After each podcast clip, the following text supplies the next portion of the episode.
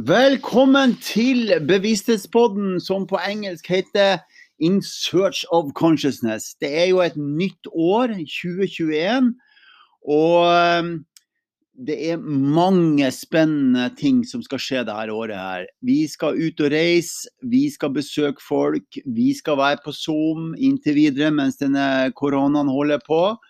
Eh, hvis du har lyst til å høre mer om hva jeg driver med, for noen ting, så gå inn på mortennygård.no. Så ser du eh, hvor jeg holder foredrag, eh, og du ser hvordan eh, kursene er, og hvor du skal melde på hen. Så hjertelig velkommen til mortennygård.no, og hjertelig velkommen til denne podkasten. Very welcome to this podcast. Sometimes it's in English and sometimes it is in Norwegian. I will uh, put it out when it is in, in English. Thank you.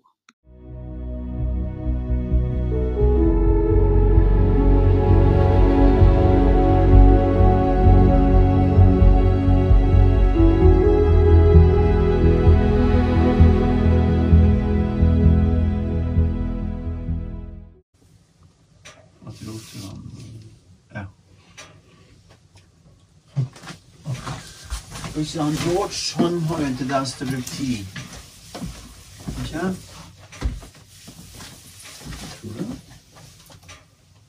Ja, vi tar en skål først, da. Skål. Skål. Skål. Egner. Kasper?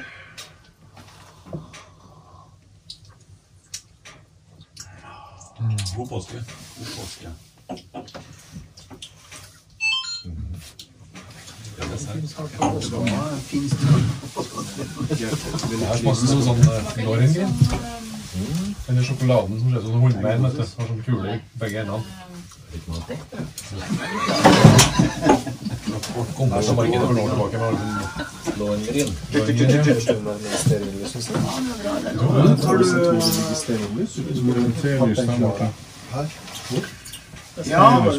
med stearinlys og sånn? Har? Ja, Belis. vent da litt. Ok. Um, ja, og så sender vi den her rundt. Si god påske. Det er bare en til hver. Og et sånn egg til hver. Jeg gjør sånn som uh, han sønnen til uh, Solveig, vet du. Ja. Espen hadde bestilt uh, pizza til middag. Ja. Kommer han, uh, ser han pizzaen, da, så ser han på faren sin, så spør han Hva skal du ha? Så tenkte jeg skulle ta en sånn nå. Hva skal dere ha? Jeg tror det Jeg tror det går bra. Nei, nå har vi det koselig, dere. Er det noen som husker den der sjokoladen som ble borte i margen en Lorengrin? Ja, ja. Den smaken her. Ja, det er det. Ja, ja. Det er Angelica i greiene. Sjokoladen med hønn. Mm. Vil du ha lyset på? Nei. Du kan kjøpe en sånn eh, oh, halvflaske eller flaske med sånn eh, hver påske. Ja. Jeg husker en gang jeg hadde ei sånn flaske som jeg bærte inn i Børgefjellet. Og Der var det ei sånn hytte som det her. Og så tok jeg den fram. Der, hvor glad vi ble. Var ingen som hadde noe ekstra. Ja. Nå er jeg veldig spent på hva du velger. Ja, når du sier det på den måten, så Ja, det er noe røde pepperen. Altså jordbærpepper. Hilde, bare legg det ut på kutter her. Sorter du. Ja. Ja, du kan ta så mange du vil. Gå, George, please. Ja, to er bra. Jeg er jo, har jo lakristsjuko, så jeg tar jo en sånn.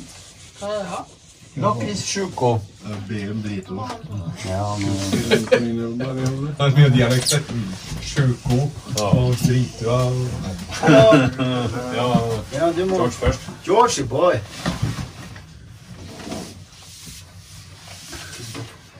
Eh, to. Please. Two. Or five. Thank you. Two more. Only two. Yeah. And licorice? No, thank you. A special one? No, thank you. You want one of this? No, thank you.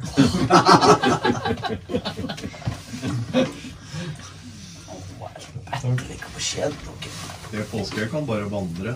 Skal vi Ja, det kan bare gå sånn. Mm. Morten, regnes det som én? Ja. Siden du er glad jeg liker sånne, så er jeg glad i lakris. Det er ikke noe Så- han ikke er glad i. Han tror lar han bare bli stående igjen der borte. Skal vi eh, slå på, og så begynner vi, eh, så lager jeg en intro. Vi ruller, vi. Så Vi ruller. er i Da er det altså podkast ifra Vettabua. Og så skal vi ta en runde og høre ifra alle sammen. Og så um, sender vi ikke det her direkte, for det er ikke god nok kontakt der, så vi tar opp hele opptaket, og så legger vi det ut sånn, eh, vi, som vi gjør når vi er i podkast. Så er det jo sånn at alltid når vi har en podkast, så introduserer gjestene seg sjøl. Så vi begynner med han Kasper, og så går vi runden rundt til han Anders. Da begynner vi der. Ja. Jeg heter Sig Kasper. Jeg er vel uh, mann bak mannen når det kommer til teknikk og sånn. Ja. Og få ting ut. Ja. Ja. ja. Og så har vi han Steffen. Ja. Um, ja. Er, eh, er med litt nå da. Um, det var ikke så voldsomt mye. Steffen Lundsvold. Steffen Lundsvold. Ja. Og skjegg. Du vet, du, de ser jo ikke deg, så de som sitter på andre sida og hører på. Steffen Lundsvold. Skjegg. eh, Skjegg litt brun, litt tenn, fordi han har vært på fjellet noen dager. Kjekk kar. eh, og litt sånne gode øyne, vil jeg si. Må beskrive han litt. Ja. Så går vi på neste. Jeg heter Thomas, er eh, sykepleier og har vært med, eh, eller kjent til Enjad i åtte år. Og så ble med på den turen her nå, da. Mm, ja, for nå er vi på tur. Nå er vi på tur. Ja. Jeg heter eh, Espen Kronberg. Er med for eh, første gang på denne eh, turen. Blitt eh, mye mer enn en tur. En fantastisk tur. Litt lei for at han eh, snart er slutt. Veldig mange fine opplevelser. Og Thomas han har litt sånn uh, tredagersskjegg. Mørk. Veldig pene øyne. Eh, og en veldig hyggelig kar. Og Espen Big Panter. Espen har en tendens til å bli rød først, før han blir brun, følge kona. Bra. Og så har vi Og så har vi Jarle Lundsvold, pappaen til Steffen. Ja. Jeg er eh, runda, runda 60 år og elsker å være på tur. Og liker å være sammen med hyggelige folk som eh, til gangs eh, har opplevd på denne turen her. Og litt sånn som Espen også. Jeg kjenner litt, bitte lite grann på vemodet at siste etappen er i morgen. Jeg kunne gått, gått helt til Grorud, jeg, altså. Og Jarle Lundsvold han er jo veldig ofte med på det som jeg bruker å sette i gang. Uh, han er jo høy, mørk, brun, veldig god på ski. Og uh, veldig glad i å sitte opp med bål. I dag så satt han i røyken i bålet. Da kom det en tåre. Det var så mye røyk. Mm, det er for å skjule sentimentaliteten. Så rundt bålet sitter jeg alltid i røyken. Ja, det kommer en liten tåre. Det er veldig koselig. Det gjør det. Så bra. Og så har vi Eh, Hilde Øyan. Eh, Jeg er med for første gang. eh, Og det bruker å være sånn at når det er på slutten av en Eller når jeg starter på en tur, så regner jeg dagene ned til jeg skal komme hjem igjen. Sånn har det vært i mange år. Men på denne turen her så ser jeg ikke fram til å komme tilbake hjem igjen. Fordi det har vært så fint. En kjempe, en utrolig gjeng. Som bare har drevet hverandre framover og ja, er til stede for hverandre og ja. Virkelig. Nå kom det en tåre i øyekroken uten at jeg satt i røyken. Ja, så bra. Herlig. Og så og, og Og Hilde hun har mange navn. Vi kaller henne Liv, vi kaller henne for Heidi, vi kaller henne for uh, Liv Ingjerd. Og det er fordi et kjært barn har mange navn.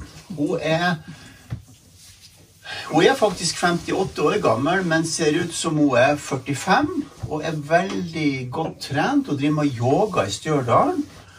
Og er en eh, koselig, flott eh, dame som har med seg mannen på tur. Eh, en Trond den skal vi høre mer om et lite øyeblikk. Men først skal vi ta han andre som er lamma og hjelpe han George. Do you want to do it in English or in Swedish? English. English, yeah. What am I saying? You say, you say something about yourself, who you are, why you're here. Okay. Um, hi, my name is George. Um, I'm 24. Um, this is my first time in the mountains. Um, I'm here with Morton taking phot- photographs, uh, editing videos, doing the backstage, convoying cars. Um, really enjoying it. Yeah, that's So yeah, um, I live in Oslo. I work uh, in a restaurant. That's about it, really. That's Going about it. Yeah, that's Ja. nice. Ok, og Morten, det meg som holder på med disse podkastene. Bevissthetspodden. Det tror jeg de fleste lytterne vet om. Jeg er også høy og mørk og blitt brun. Eh, Litt grått i håret, kanskje, sier noen. Men det ser jeg ikke sjøl. Da går vi videre til Trond. Ja. Eh, Det er jeg som er mannen til Hilde, da. Ja. Vi grubla litt og spekulerte før vi bestemte oss om vi skulle melde oss på eller ikke. Men veldig glad for at, vi ble, at det ble vi gjorde det, da. Og den turen det her nå, den har vært en veldig, veldig fin opplevelse. Så jeg er veldig glad for at vi ble med på den turen her. Og med, med i hvert fall eh, ja, fin natur og fine skiturer og sånt, men det er veldig fint si, vennskap da, har det utvikla seg til. Det er veldig spesielt. ja. Du ble litt rørt nå. Tøffe gutter gråter ikke. Det er bra. Det kan si om han Trond at det er sjelden har møtt noen som er så sterk i armene som meg sjøl. For han kunne altså stake over alle bakketoppene når han vil. Ja, han tror faktisk du var litt i sterk. Ja, du har bakklatter ski, men du var voldsomt sterk i armene. Ja, En trivelig kar. Ja, og i god form. I går når vi hadde gått uh, i eh, åtte timer, så lurte han på om vi ikke kunne gå litt lenger. ja. Ja. Ja. Og så har vi en Anders. ja. Anders Buar Petter. Um, Morten sådde et frø i fjor høst. Og han av en merkelig grunn drev og dro på noen dekk. Og da ante de at det var noe på gang. Han sa det sjøl litt sånn hemmelighetsfullt at det er noe på gang. sa han. Og da kjente jeg at hvis det her blir mulig, så skal jeg jobbe med å være med på, på en real tur. Det har vært drømmen i, i, i hvert fall hele mitt voksne liv å få lov til å bo i lag i naturen. Og når vi da i tillegg får til en sånn ramme som det her, med så mye hyggelige folk, så du, ikke, det er ikke snakk om at du blir berørt, du er berørt egentlig. Fra du står opp til du legger deg, og, og så søv du det du tror er ganske uryddig, men uh, jaggu meg blir det søvn nok også. Det, det, det har gitt så mye, hele den turen her, at eh, jeg håper at mange flere får lov til å oppleve det her. Nå er han blank i øynene. For de som hører på, så er han Anders blitt litt blank i øynene. Han er en utrolig trivelig kar å ha med på tur. Veldig god form. Går lett bak der. Av og til ser han framme og drar litt. Så bra. Da har vi gått hele runden. Så det vi skal gjøre nå, det er litt sånn når vi lager podkast, er det alt sånn når man introduserer seg, så er det litt sånn man tenker at det er lyd, ikke sant? Og så tenker man at det er kamera som står på. Men det bryr vi oss ikke så mye om. Og det vi skal gjøre, det er at vi sitter jo inne på Vettabu. A, Vettabua. Vi har gått ifra Hjerken. Så gikk vi over i ni timer til Grimsdalshytta. Og der var det både skiføre og ikke-skiføre. For når vi kom ned i dalen, så måtte vi klatre med pulker og ned, ned sidene. Det var en strabasiøs tur. Og en lang tur på ni timer. Uh, nesten tre mil ble det vel på kryss og tvers, omtrent. Ja, på en måte. Bortimot det. Så har vi gått ifra Grimsdalshytta og over til eh, Øvre Døråsæter. Og da var det altså så mye vind at vi valgte å gå rundt. Og da var vi ute i sju og en halv time. Gikk eh, over tre mil. Og gikk rundt fjellene for å komme til eh, Øvre Døråsæter, som er DNT-hytta, som er selvbetjent nå, for det er jo stengt pga. koronaen. Der spiste vi eh, mat og kosa oss. Det skal vi komme tilbake til når vi hører fra alle sammen. Og så gikk vi videre til eh, eh, Fra Øvre Døråsæter og så gikk vi over fjellet på en strabasiøs tur med nesten 30 sekundmeter i kastene storm opp på fjellet. Eh, og over til Rånvassbu, forbi den, og ned til Rondane fjellstue, eller fjell... Høyfjells. Høyfjellshotell heter det. Der leide vi noen hytter. Og da hadde guttene stelt i stand og laga entrecôte til oss og stekte poteter. Og det var helt utrolig fantastisk, nydelig opplevelse. Så gikk vi derifra og til um, uh, må ikke hjelpe meg. Spitsbergseter. vi gikk til Spitsbergseter. Over fjellet til Spitsbergseter eh, var vi ute i eh, åtte timer, var det det? Åtte timer. Og da kom vi dit, og så Der skulle vi feire bursdagen til han Espen og Jarle, 120 år. Men det ble en liten sånn enkel variant med ei lita kake fra huset. Eh, For der skulle egentlig hele familien ha kommet, alle eh, bekjente fra begge sider. Han skulle komme opp på fjellet, og var nå i hvert fall planen vår. Eh, og så er det jo korona, så da måtte vi bare kose oss sjøl. Spiste vi tre retters middag, drakk et glass vin og kosa oss. Og så gikk vi videre derifra til Måsa. Måsaplassen, som er en kultinstitusjon. En kultinstitusjon. De er jo 80 år gamle, de som driver plassen. Og hun eh, Mor. mor, som heter Svanhild. Og Svanhild, vet du. Hun er 80 år gammel. Hun er altså så livlig og så glad og så hyggelig, og det er så fint å være det. Som kom tilbake i 1950-60-tallet. Og, og vi spiste selvfølgelig eh, kjøttkaker. Skikkelig bondekost. Skikkelig bondekost. Nydelig. Så gikk vi derifra til Vett, Vettabua. I morgen skal vi gå til Lillehammer. Vettabua er ei eh, DNT-hytte. Her sitter vi med peisen på. Vi har tatt Kasper og George har tatt med seg ei flaske med eggelikør, og det er derfor dagens podkast ukas podkast heter 'Eggelikør på Vettabua'. eh, og så har eh, gutta kjøpt et eh, gigantisk påskeegg. Og så har vi tre-fire kilo med smågodter oppi der. Og det vi ikke spiser opp i kveld, det tar vi med oss videre på turen i morgen. For i morgen så skal vi være ute sikkert i mellom åtte og ti timer før vi kommer fram og er ferdig med turen. Så det vi skal gjøre nå, da, til kjære dere lyttere Nå skal vi høre fra de som har vært med på turen, hvordan de har hatt det, og hva de har satt pris på, og hva de har opplevd for noen ting. Så kan det jo være sånn at det blir stille noen gang, og så kan det være sånn at det blir veldig mye prat. Så nå har vi ikke noe struktur på det, så begynner vi bare en plass der som vi får lyst til å starte, ikke sant? Jarle, du kan jo begynne, du som eh, Du har jo vært med på podkaster så mange ganger. Ja, ja, ja. Godt å få dratt deg litt i gang, Ja. ikke sant? Altså, turen den begynte jo for et halvt års eh, tid siden, hvor vi Det vil si du, Morten, fant ut at vi skulle eh, kjøre litt høyintensitetstrening. Ja. Så da hadde vi da hadde vi altså trugedrag i Romeriksåsen hver tirsdag. Med påfølgende pizzabaking i en eh, pizzaovn på utsiden. Ja. Og det har aldri i verdenshistorien blitt lagd så mye forskjellige typer pizzaer. Vi har kost oss. Og ø, ost i verdensklasse. Ost i verdensklasse, og vi har hatt trøffel, og det har vært så mye godsaker. Ja, fantastisk. Og vi har gått opp drapslia, trollia, stygglia og veltelia. Alt som er. Og det som er veldig fascinerende, er jo at Morten, han Han må gå der hvor det er brattest, både opp og ned. Og så går han da, som jeg har sagt, han går altså ikke forbi og rundt trærne, men han går gjennom trærne. Og av og til så flytter trærne seg. Det er altså litt mystisk. myte.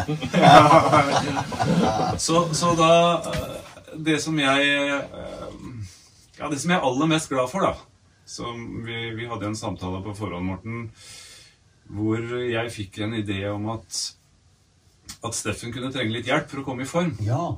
så prata jeg litt med Steffen om det, og så slang jeg det bare raskt og brått ut at kanskje vi kan gjøre noe sammen med Morten. Og så snakka jeg med deg, Morten, og så, og så begynte vi å preppe formen til denne turen her. Og Steffen han har gjort en fantastisk innsats ja. med å være med på truger og på skiturer i helgene. Ja. Og så eh, og så begynte turen å nærme seg, og så var det jo mye kruseduller i forhold til eh, koronaen og folk som skal, skal ikke. Og så fikk vi stabla sammen en fantastisk nydelig gjeng som sitter her som en rosebukett rundt, rundt bordene. Og jeg er veldig glad for at det er akkurat vi som eh, Ja, det er jo tur. Ja. Fordi jeg tror det var bestemt at det var akkurat vi som skulle på den turen. Så kom på Hjerkinn etter å ha kjørt oppover. Da, da var jeg veldig spent. Sånn godspenning i kroppen. Og vi fikk gjort all denne logistikken osv. Og, så videre, og, så videre, og kom dit og traff noen nye folk. Og, og hadde en veldig bra, bra introduksjon av eh, Hva heter hun igjen? Anne Stine. Anne Stine. Ja. Hjerken. Ja, og så, og så var det da å, å forsøke å sove litt og Fikk du sove? Ja, ikke veldig mye, altså. Lå liksom og vibrerte Jeg fikk heller ikke sove veldig mye første natta. altså. Og så var det å preppe og ordne og pakke pulker og Ja. begynne å gå. Og var, jeg blei så ivrig at det var veldig vanskelig å holde igjen. Ja, for intensjonen vår med turen her, eh, og det tenker jeg er fint å snakke, si noe om i starten på, på sendinga i dag, er jo at, at intensjonen er jo å, å gå inn i en frekvens, et tempo, en opplevelse av seg sjøl, av naturen, av gruppa, som gjør at man kommer inn i flytopplevelsen. Mm. Og det, er- det jo det som har vært tematikken da, for uh, turen. Ja. Og så har jeg selvsagt jobba med meditasjon og sånne ting. men det er det som har vært. Hvordan- har det vært? sånn, hvis, vi tar, hvis vi tar den tingen for deg, Jarle, så involverer vi resten av gjengen på deg. Hvordan har det vært? Det som Jeg vet ikke helt hvilket ord jeg skal bruke, men det som har Det som har dratt meg litt ut av det å holde flyt for min egen del, det er det å Som jeg har som en iboende greie, tror jeg. Passe på at alle har det bra i gruppa. Ja, ja. Som, som gjør at jeg kanskje mister litt oppmerksomhet på meg selv. Og denne gangen så var det jo veldig spesielt med Steffen, fordi at jeg ville så gjerne at han skulle lykkes og komme seg igjennom. Ja. Og så uh, gjorde jeg den gigabommerten, um, eller lykketreffet, ettersom hvordan du ser det, og utstyrte han med altfor tynne ski. Ja, du, hvordan var det egentlig? Hvis vi, kommer, vi tar den der episoden der, for det her er veldig spennende. Vi hadde jo gått i mange timer, uh, og da har jeg et sånn fint bilde. Jeg tenker det er fint for de som sitter og hører på å få det bildet. Da er det jo eh, sånn eh, fin solhimmel og litt skyer, og, og det blåser lite grann. Og så snur jeg meg rundt, og så ser jeg jo hun, eh, hun Hilde og Trond står der, og så ser jeg at eh, Så snur jeg meg rundt en gang til, og der står han Steffen og spyr opp på en kolle. Eh, ikke sant? Etter noen timer. Og hvis vi tar den, hvordan var det Hvis du tar det, Steffen, da, hvordan var det der? Det var, en, Hvorfor sånn- spydde du, forresten? det var en sånn merkelig Det var en merkelig opplevelse. Det begynte Det begynte jo ganske greit, for vi gikk på på sånn relativt hardt føre i starten. Og så merka jeg at jeg, begynte å gå på en måte mer og mer igjennom. Eh, og så uh, merka jeg nok ikke at jeg blei sånn, sånn sliten etter hvert. Det blei bare plutselig helt tomt. Jeg var tomt. Så møtte skikkelig veggen. Så første delen av det var at jeg ble kvalm. Ja. Jeg ble kvalm og svimmel. Av at det var så Ja, å gå. utmatta. Ja, for du skulle ikke ha sånn som man gjør det, man skulle egentlig ikke ha gått med langrennsski oppå det fjellet der. Nei, altså er jeg litt, jeg er jo litt eh, for tung for de langrennsskia i utgangspunktet òg, så jeg gikk jo på en måte gjennom snøen hele veien. Da. Og ble gående og, og kjempe. Ja. Um, altså det var altså da, da Til slutt så sa det bare Det sa liksom stopp. Det var en sånn total utmattelse. Ja. Det var første dagen. Hva tenkte du om turen da? Da hadde du liksom ei uke igjen du skulle gå. Det var merkelig, for når vi når vi kom over åsen der, da, så hadde jeg fått med meg trugene når vi skulle gå ned. Og så Og så Og så så vi hytta der vi skulle, og vanligvis ville vi vært superletta for det, men det, Ja. det var liksom ingenting. Det var, var ikke, det var ikke energi nok til å glede seg over at vi var framme engang. Så når jeg da gikk ned eh, Jeg gikk jo en litt annen vei enn dere gikk ned der, så Ja. da plutselig så bare eh, ja, ble, ble sånn, sånn, nesten sånn toåringgråting over det. Ah, du så gråt, mista, ja. jeg bare mista Mista den der vanlige Hva skal jeg si? Ja, rustningen bare falt av. Få høre hvordan det høres ut. Sånn. Ja, det er sånn snørr og tårer og Få høre hvordan det høres ut. Jeg vet ikke om jeg klarer å gjenskape det. Det er sånn hiksten. det. Ja, ikke sant? Så uh, Ja. Uh, Ja. Ja, Vi har jo briter. Britene kaller det for sånn ugly crying. kaller de det. ja, fordi du er så sliten at du ikke kjenner din egen kropp. Aldri mer. Aldri mer. Ja. Skal vi hjem? Ja, når jeg la meg på det bordet der, da, da var det mørkt. ja. Men, og, og du, Jarle, hvordan var det her for deg da, når du så det her? Du- har tatt med seg sønnen på tur, og Ja, da fikk jeg Da fikk jeg, da må jeg bare helt ærlig innrømme at jeg fikk en enorm skyldfølelse. Og du fikk skyldfølelse, ja? Ja. Tenker jeg hva i all verden er jeg har dratt gutten på? Og jeg kjente veldig Ja. Og så kjente jeg jo samtidig en utrolig kjærlighet til, til han, og ville gi så mye omsorg som jeg bare kunne. Og kose han på ryggen og ja, være nær og, og bare gi så mye omsorg som jeg kunne. Og Ja. fikk han inn i seng og fikk han varmen inn i soveposen. og ikke argumenterte med noe av det han sa som, som på en måte bare var helt mørkt. Ja. ja.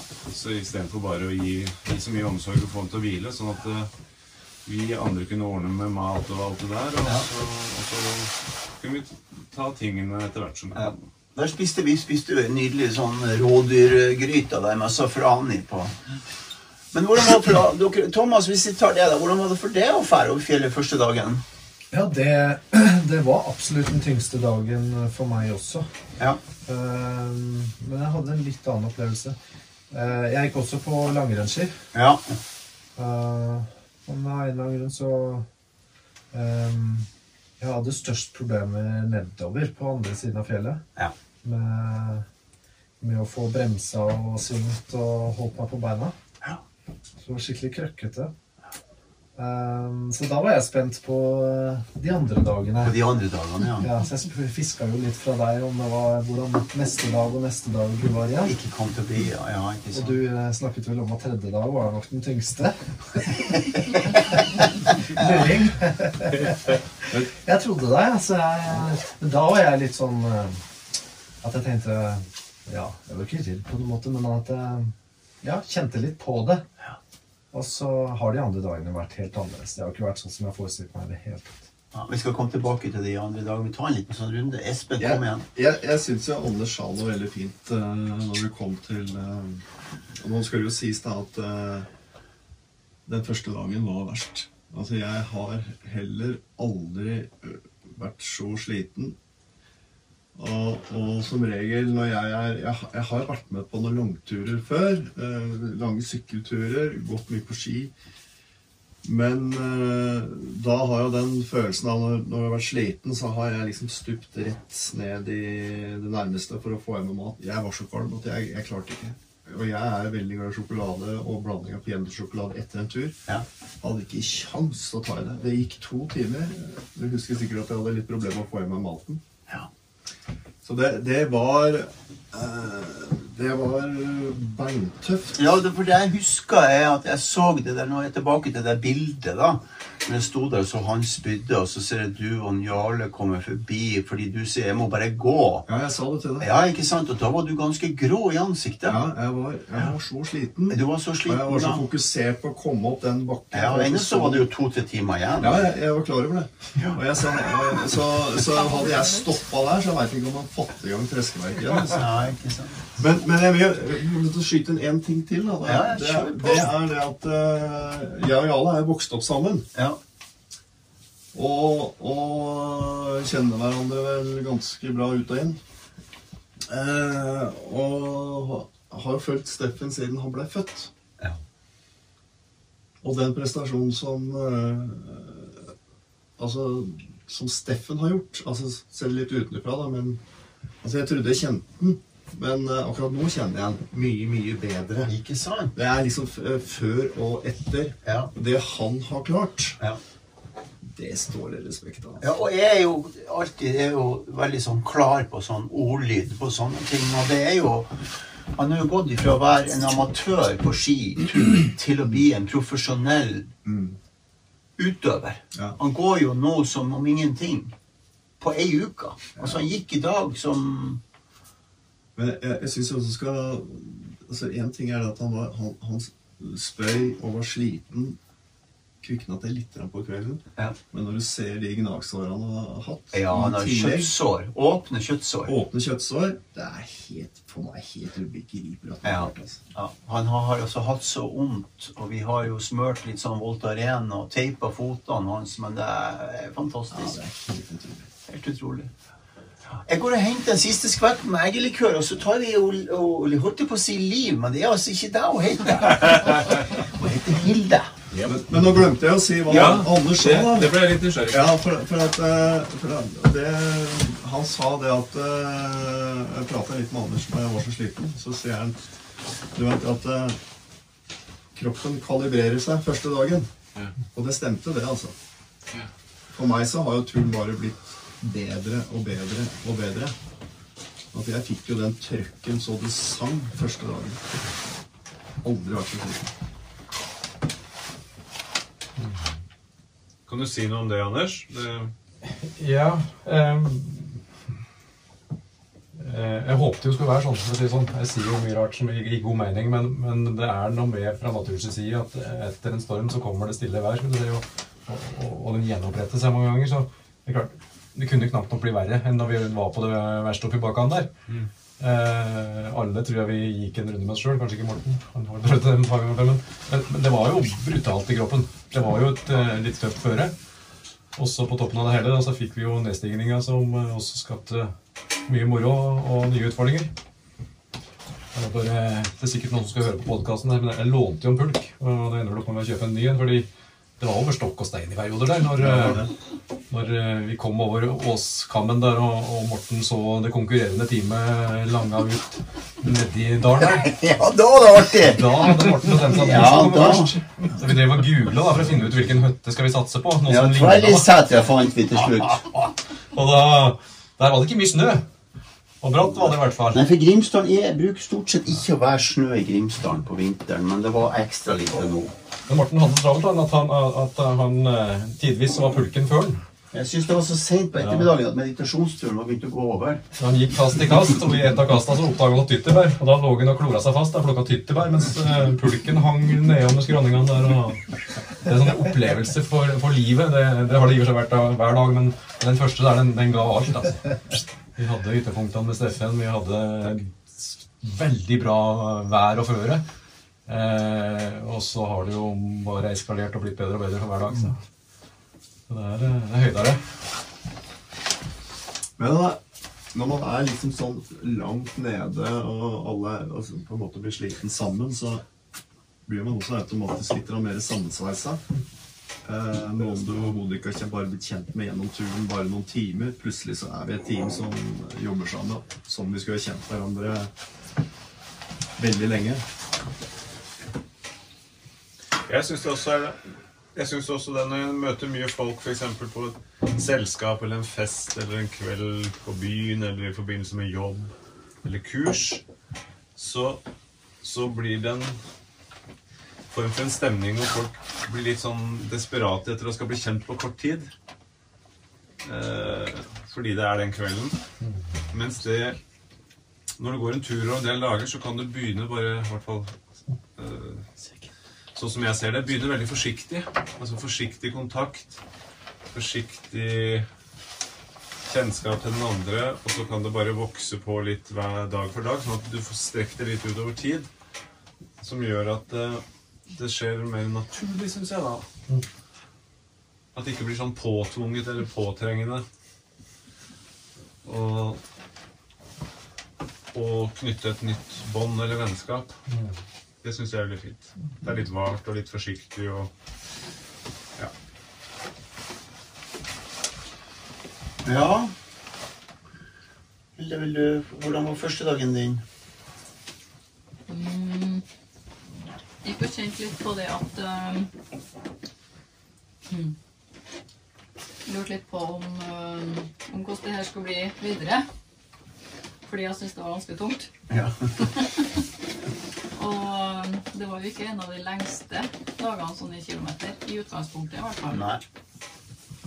Så um, Men han, eh, egentlig så bestemte jeg meg for at jeg får bare ta en dag om gangen. Og det som jeg så underveis, det var, eller det jeg tenkte, det var det at jeg skal prøve å ikke tenke hvor langt er det igjen.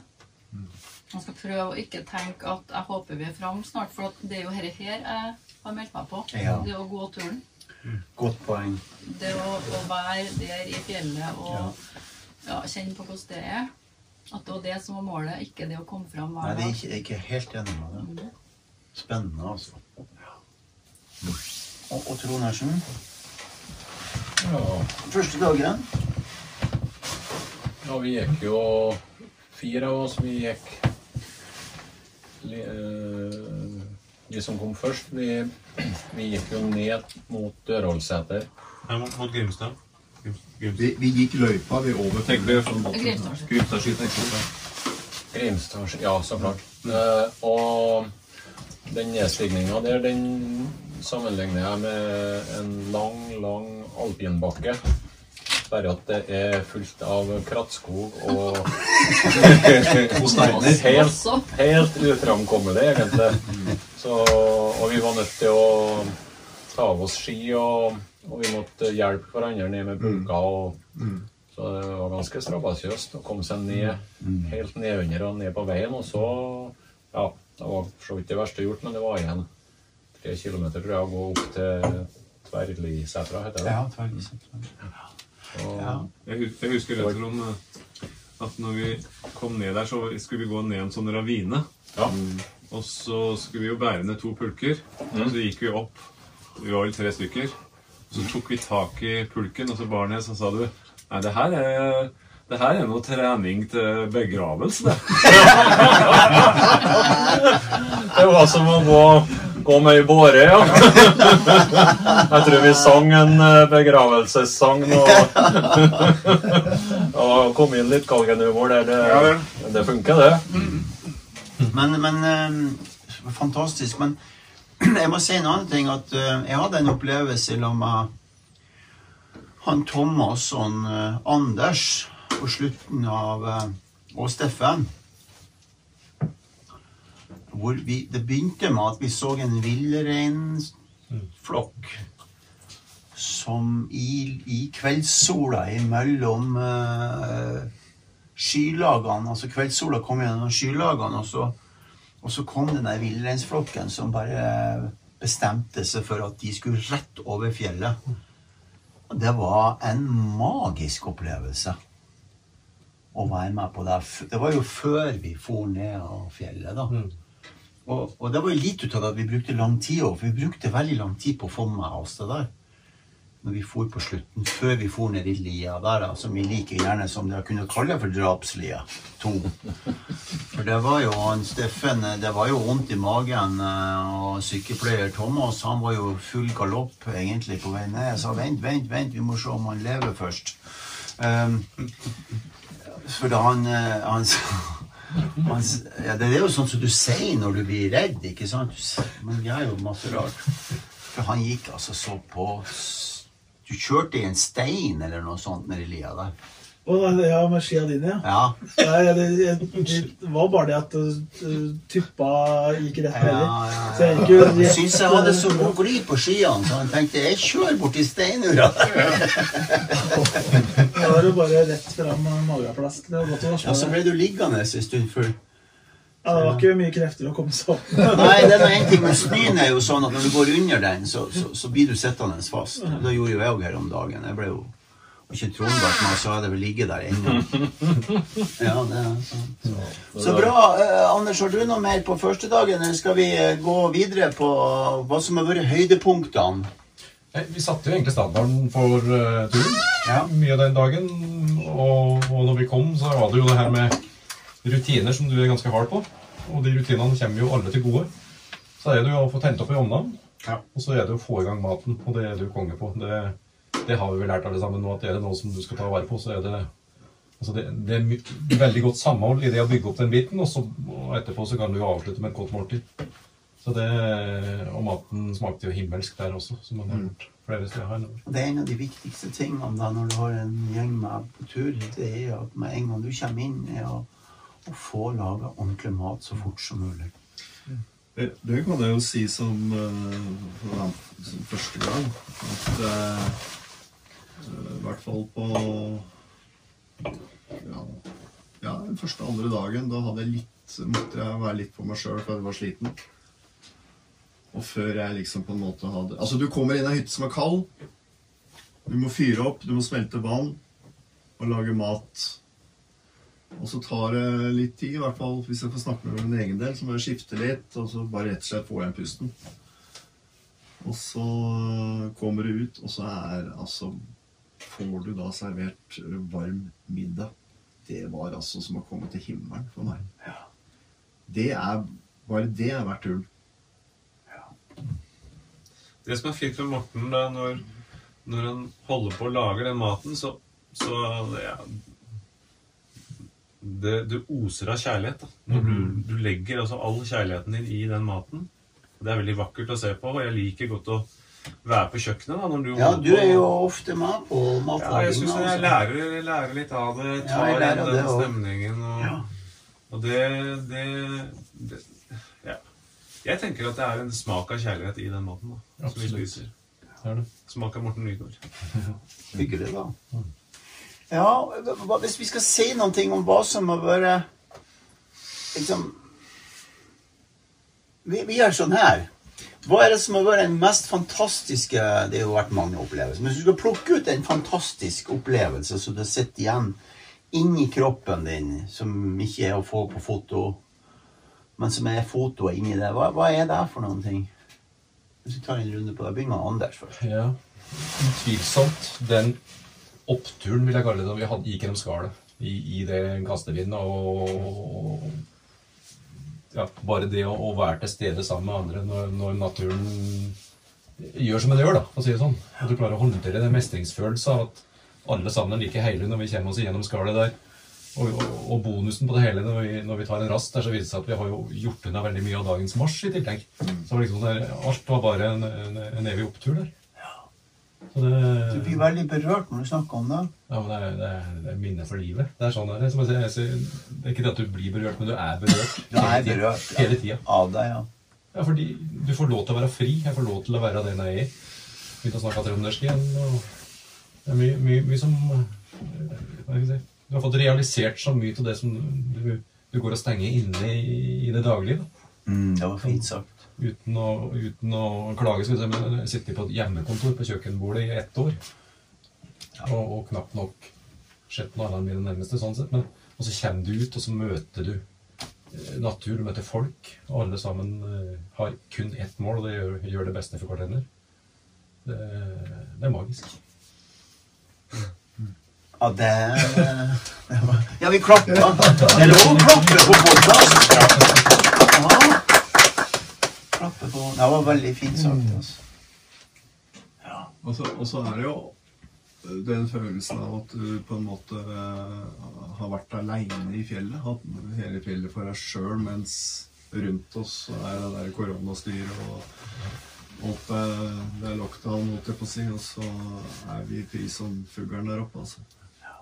Jeg er helt enig med det at eh, det største øyeblikket var at når vi hadde 28-30 i kastet midt oppå fjellet, at du mestra den. Altså, for det, det ja, grua meg litt, gjorde jeg. Jeg visste at det blåste oppå der, men eh, når du først kommer her og du har eh, bra med klær på deg, du ikke fryser, du får trukket alt rundt deg, så sa jeg til alle at jeg fikk på de brillene. Når vi koste med der i full storm, så føles jeg som jeg satt inni et telt. Ikke frøs jeg eller noen ting. Og kontroll, det hadde vi. Det var voldsomt. Ja, for vi gikk med slalåmbriller på oss Ja. Vi hadde for å kunne se. Ja. Og vi var eh, godt pakka ned. Jeg turte ikke å ta med hansken, for jeg skulle justere et eller annet. Jeg ikke å ta med hattene. Da- Enten blåse bort eller begynne å fryse. Så. Men det som var på akkurat eh, over fjellet der, sånn, så jeg var gruva til den eh, akkurat den biten der, fordi at jeg visste at det kom til å bli veldig sterk vind og mye sterke kastevinder da. Og det er jo garantert det, det, er den kraftigste vind jeg har vært ute for i hele mitt liv. liv. Men eh, med, godt med klær og briller og godt på hodet og alt sånt, så eh, i, i den gruppa, det er sånn som når vi gikk der, så jeg var veldig trygg hele tida. Ja. Jeg følte at det er ingenting som kunne gå galt. Ja, det er interessant. Det er samme følelsen har jeg hatt. Det var, det var ikke ett sekund at er det, her- er det her litt sånn hva, hva, vi, hva gjør vi for noen ting? Det var ikke sånn. Nei, det var ikke noe skummelt. Det var ikke skummelt. Nei. Men vi var jo milevis unna folk og Ja.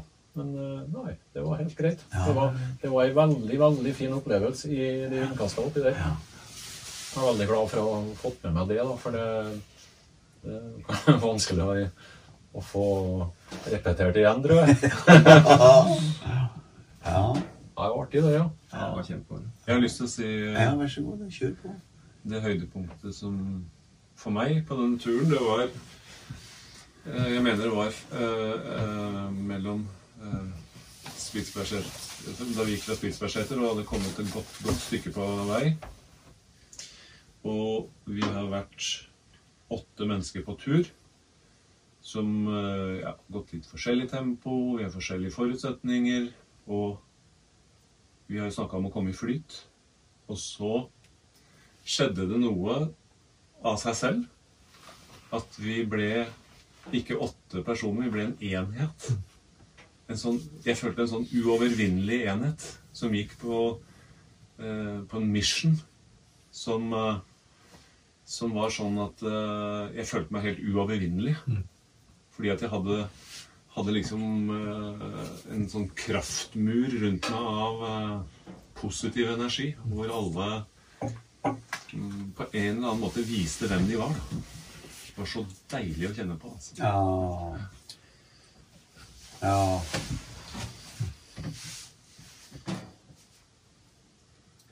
Det var veldig spesielt. Når vi gikk opp fjellet der, som noen følte ikke var et fjell. Det var sikkert tre kilometer oppover. Jeg gikk av seg sjøl. Det var flyt. Fjellet gikk oss. Ja, fjellet gikk oss. Det er faktisk riktig. Og så er det jo superinteressant, for du har jo satt det som et, et av måla for turen, å kunne få lov til å oppleve det. Ja. Så opplever vi det på et tidspunkt hvor vi faktisk, faktisk kan registrere det, hvor vi har hele- flere dager igjen. Og kan få det til flere ganger. Vi har vel gjort det i dag òg. Ja, det. Jo, men det som er interessant, er at alle registrerte det i lag. Og det er da det er Så er det, det er sant. Det er da det er sant. ikke sant? Ikke én som Ja, nå var jeg i flyt, men alle er samtidig. Alle merker det samtidig. Veldig spesielt. altså. Ja, skal vi høre fra flere? Hva er det som har vært Thomas? Ja, jeg vil, jeg vil faktisk trekke fram noen av disse lunsjene, eller pausene. Ja. Um, og, eh, og en annen ting også. eh, første dagen så, så var det veldig tungt å tråkke gjennom snøen hele tiden, og jeg ble skikkelig varm. Og i det at jeg ble varm, så ble jeg veldig, begynte jeg å stresse og kave veldig i hodet. Ja. Så var jeg flink på et tidspunkt og kledde av meg og åpna opp for, for lufting. Og hadde en mye mye større opplevelse etterpå. Så tenker jeg på hvor viktig det da er å stoppe å gjøre disse reguleringene for å ha en bedre opplevelse. Ja.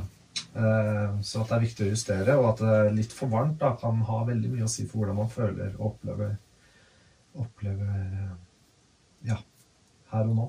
Ja. Eh, første dagen så, så var det litt grann vind og oversida, og så setter vi oss ned og spiser, og så, og så forsvinner skyene, og sola Ja. kommer fram. Det var helt nydelig. ja. Og andre dagen så går vi altså litt feil. Vi er litt usikre. Det er må jeg tenke på om var det den Tredje dagen. Tredje dagen, da. med vind? Ja, Ja, Ja, ikke sant? Ja. Så det, det var jo storm i kastene, og eh, Og så går vi litt grann feil, men ender da opp i en eh, le, altså, ly av vinden, i hvert fall. Hvor det var helt stille, og vi sitter i påskesola nærmest. Ja. Det var helt nydelig. Det er sant, det. Ja, før vi gikk inn Ja. i 30 sekundmeter. Og så, ja, ikke sant, så gjør vi jo det da oppe i 30 Og så um, kommer vi fram og skal spise lunsj. Uh, midt på egentlig ganske åpen plass. Det var ganske mye vind da også, men den også løya når vi skulle spise. Så der også fikk vi en ganske fin opplevelse. Ja. Eh, det er noe jeg kommer til å ta med meg videre. Herlig, altså. Mm. Steffen, hva er din altså sånn øh, Jeg vil nok trekke fram det i- de vindkasta, jeg òg. som, som I hvert fall i forhold til øh, naturopplevelse. Uh, og det som var så merkelig med de vindkasta, var at um, eh, Det er litt sånn som det er sagt allerede. Det føltes så trygt, så jeg venta egentlig bare på litt mer. Ja. Medvind. Det var- det var liksom bare eh, Det at det blåser rundt deg, og at det er så rolig, det er et eller annet Det, det er sinnssykt fascinerende over det. da.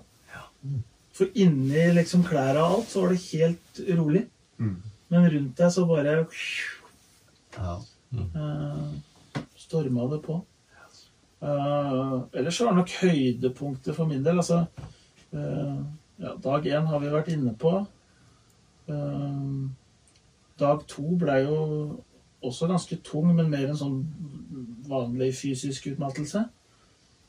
Um, det var på dag fire som jeg følte det det løsna litt. Når jeg da kom jeg opp Altså når vi da skulle til Spitsbergseter, Ja. og vi hadde kommet oss et stykke opp på fjellet der.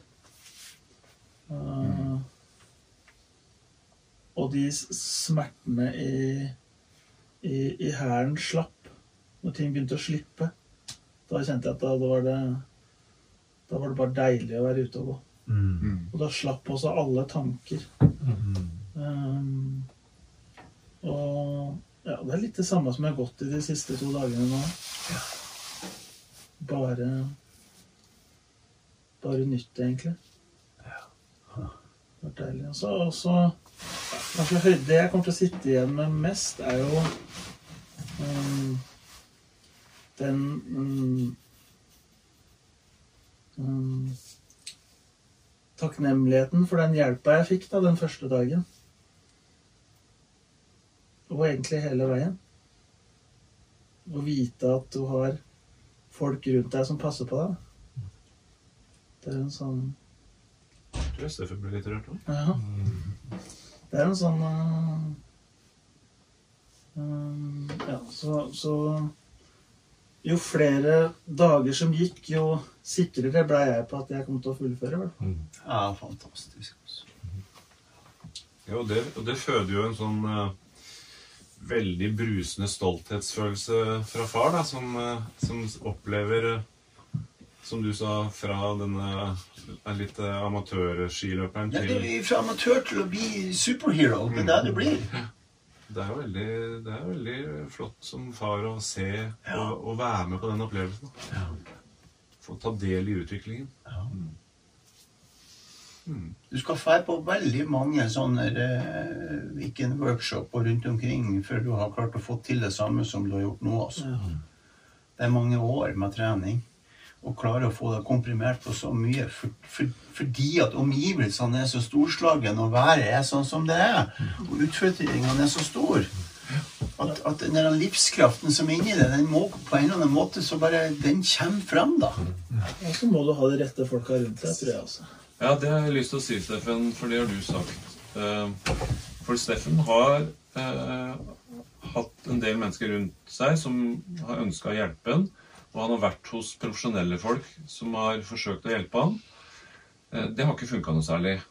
Og så, og så kom jeg med den ideen med deg, Morten. Og så ringte jeg deg og spurte om det var greit. Og så sa du at ja, jeg kan hjelpe han, Steffen. Jeg har lyst til det, men jeg vil ikke coache han men jeg skal hjelpe ham. Og så spurte jeg Steffen, så sa han ja, det syns jeg er fint, for Morten han har jeg tro på. Ja, det ble hyggelig, da. Så det skal du ha, Morten. Ja.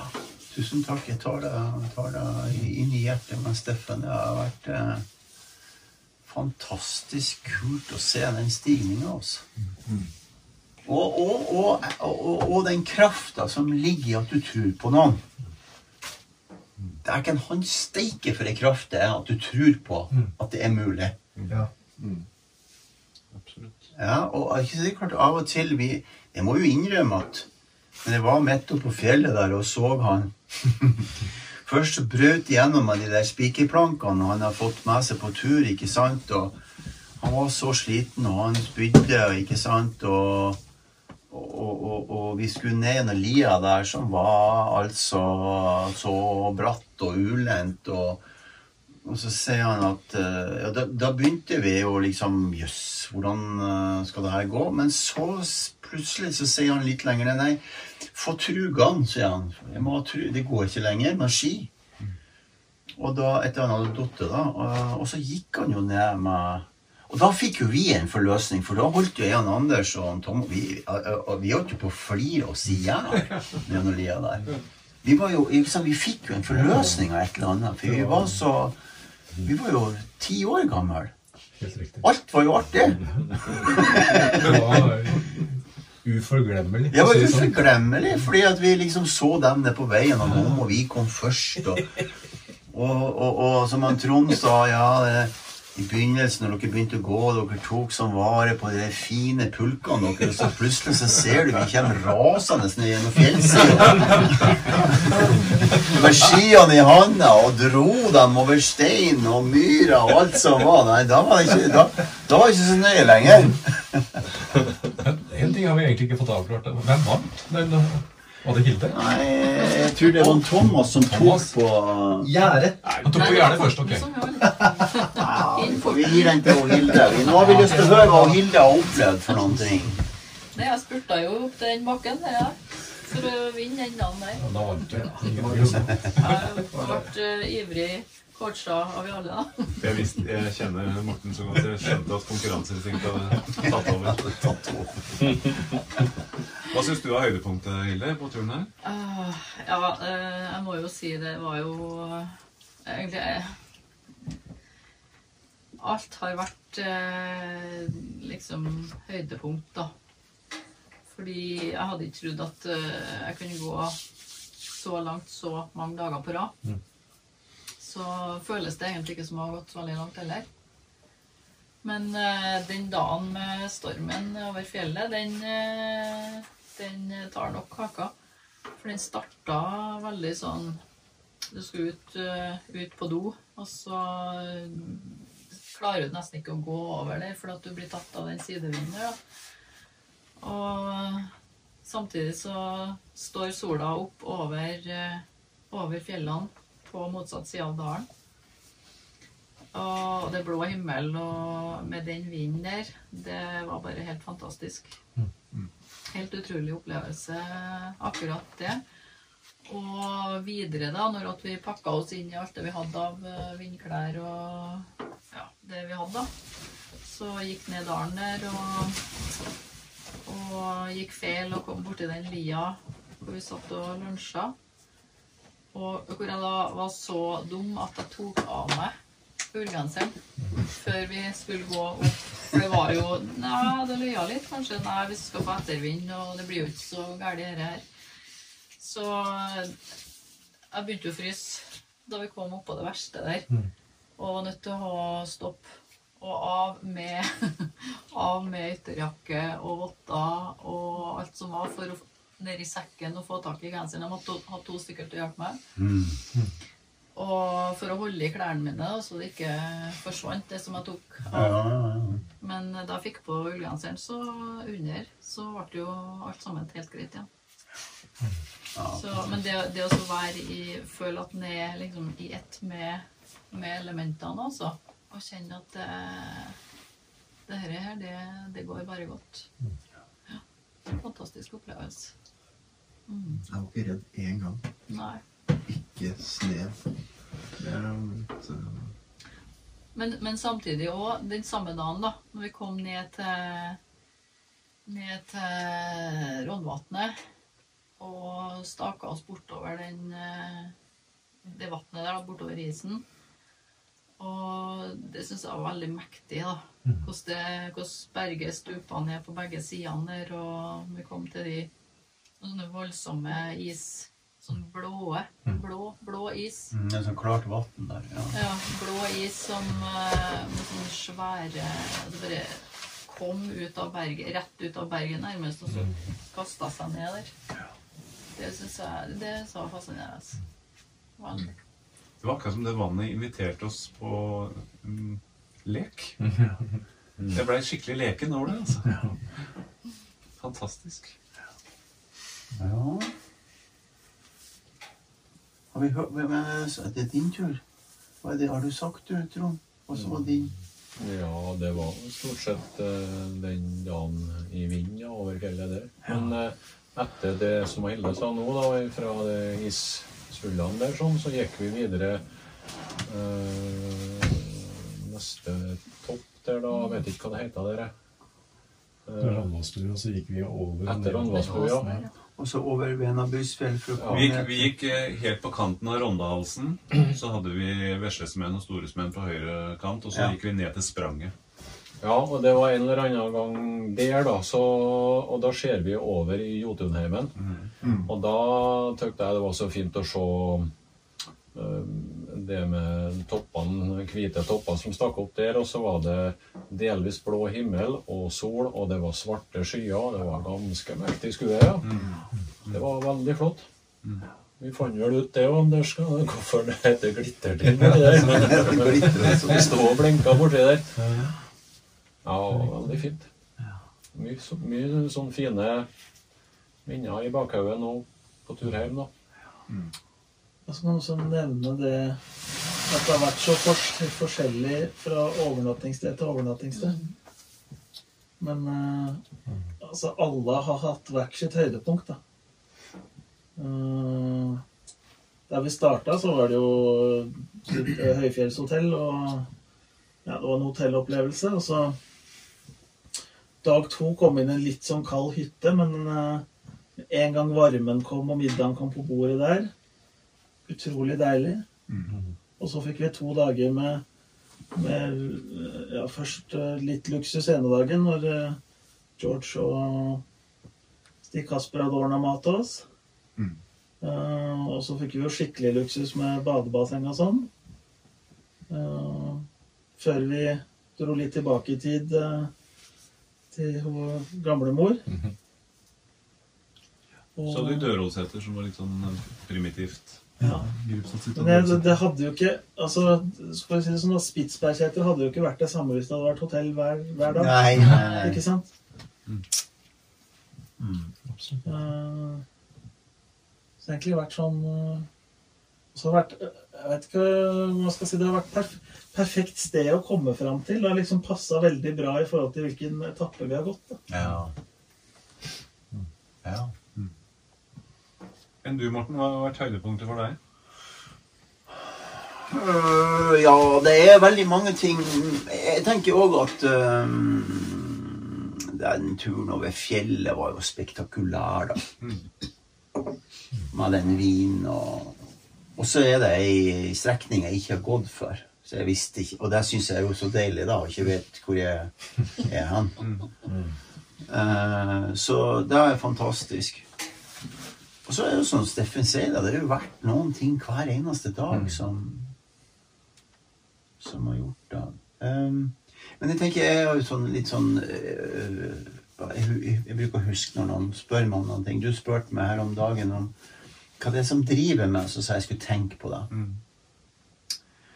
Eh, og det tenker jeg er fint å ha som en kanskje en, en, en avrunding på podkasten som vi har gjort nå. Det er jo at det å se at han Steffen um, faktisk gjør det han sier han skal være med på, og gjennomføre det med den første dagen sitt utgangspunkt, er stort. Syns jeg er veldig givende.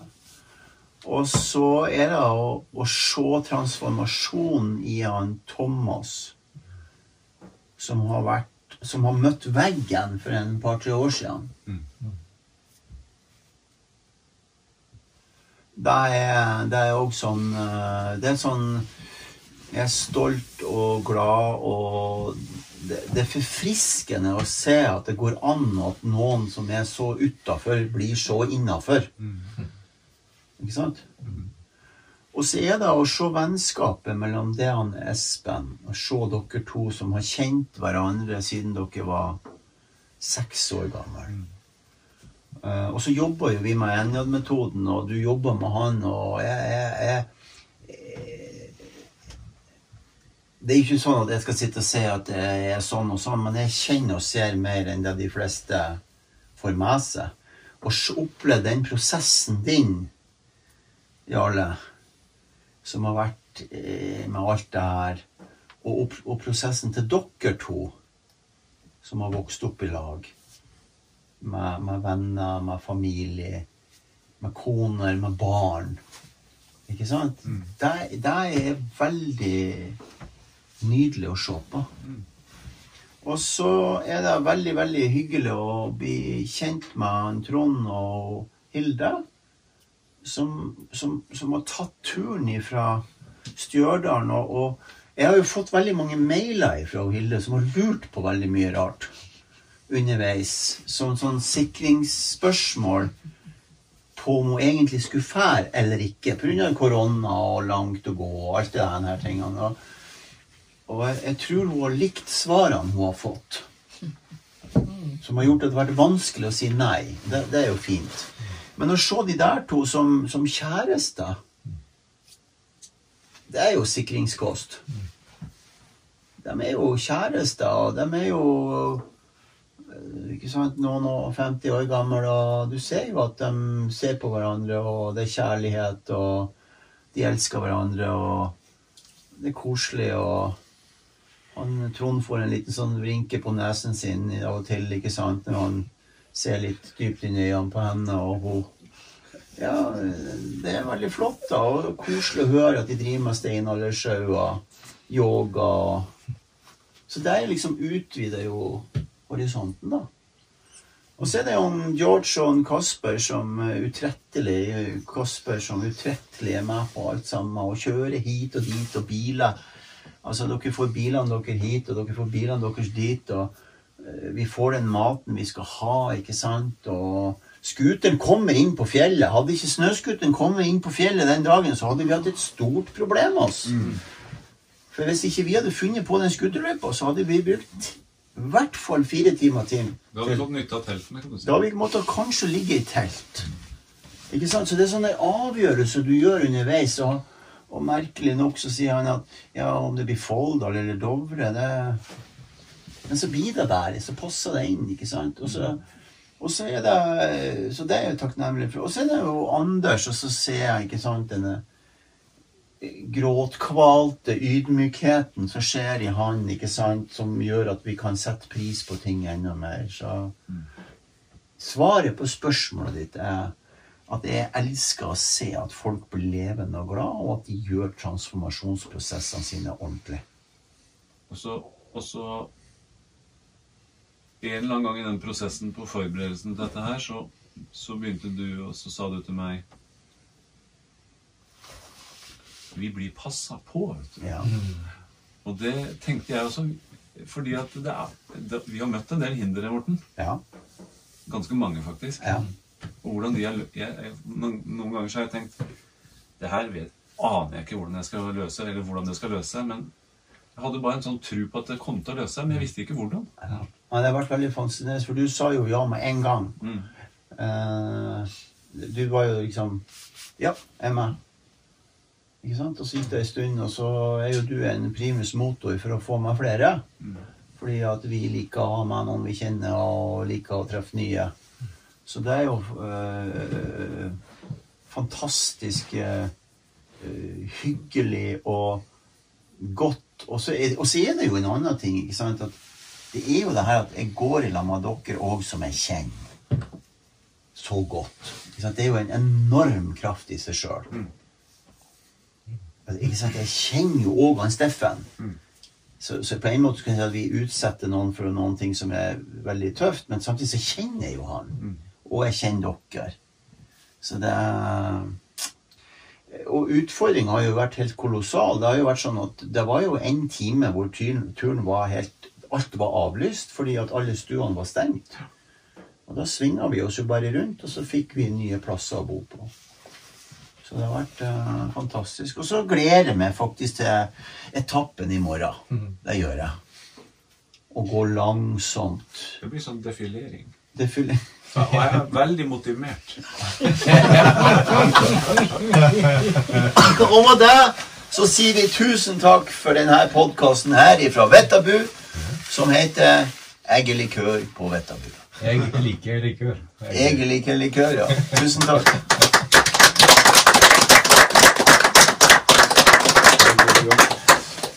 Runde.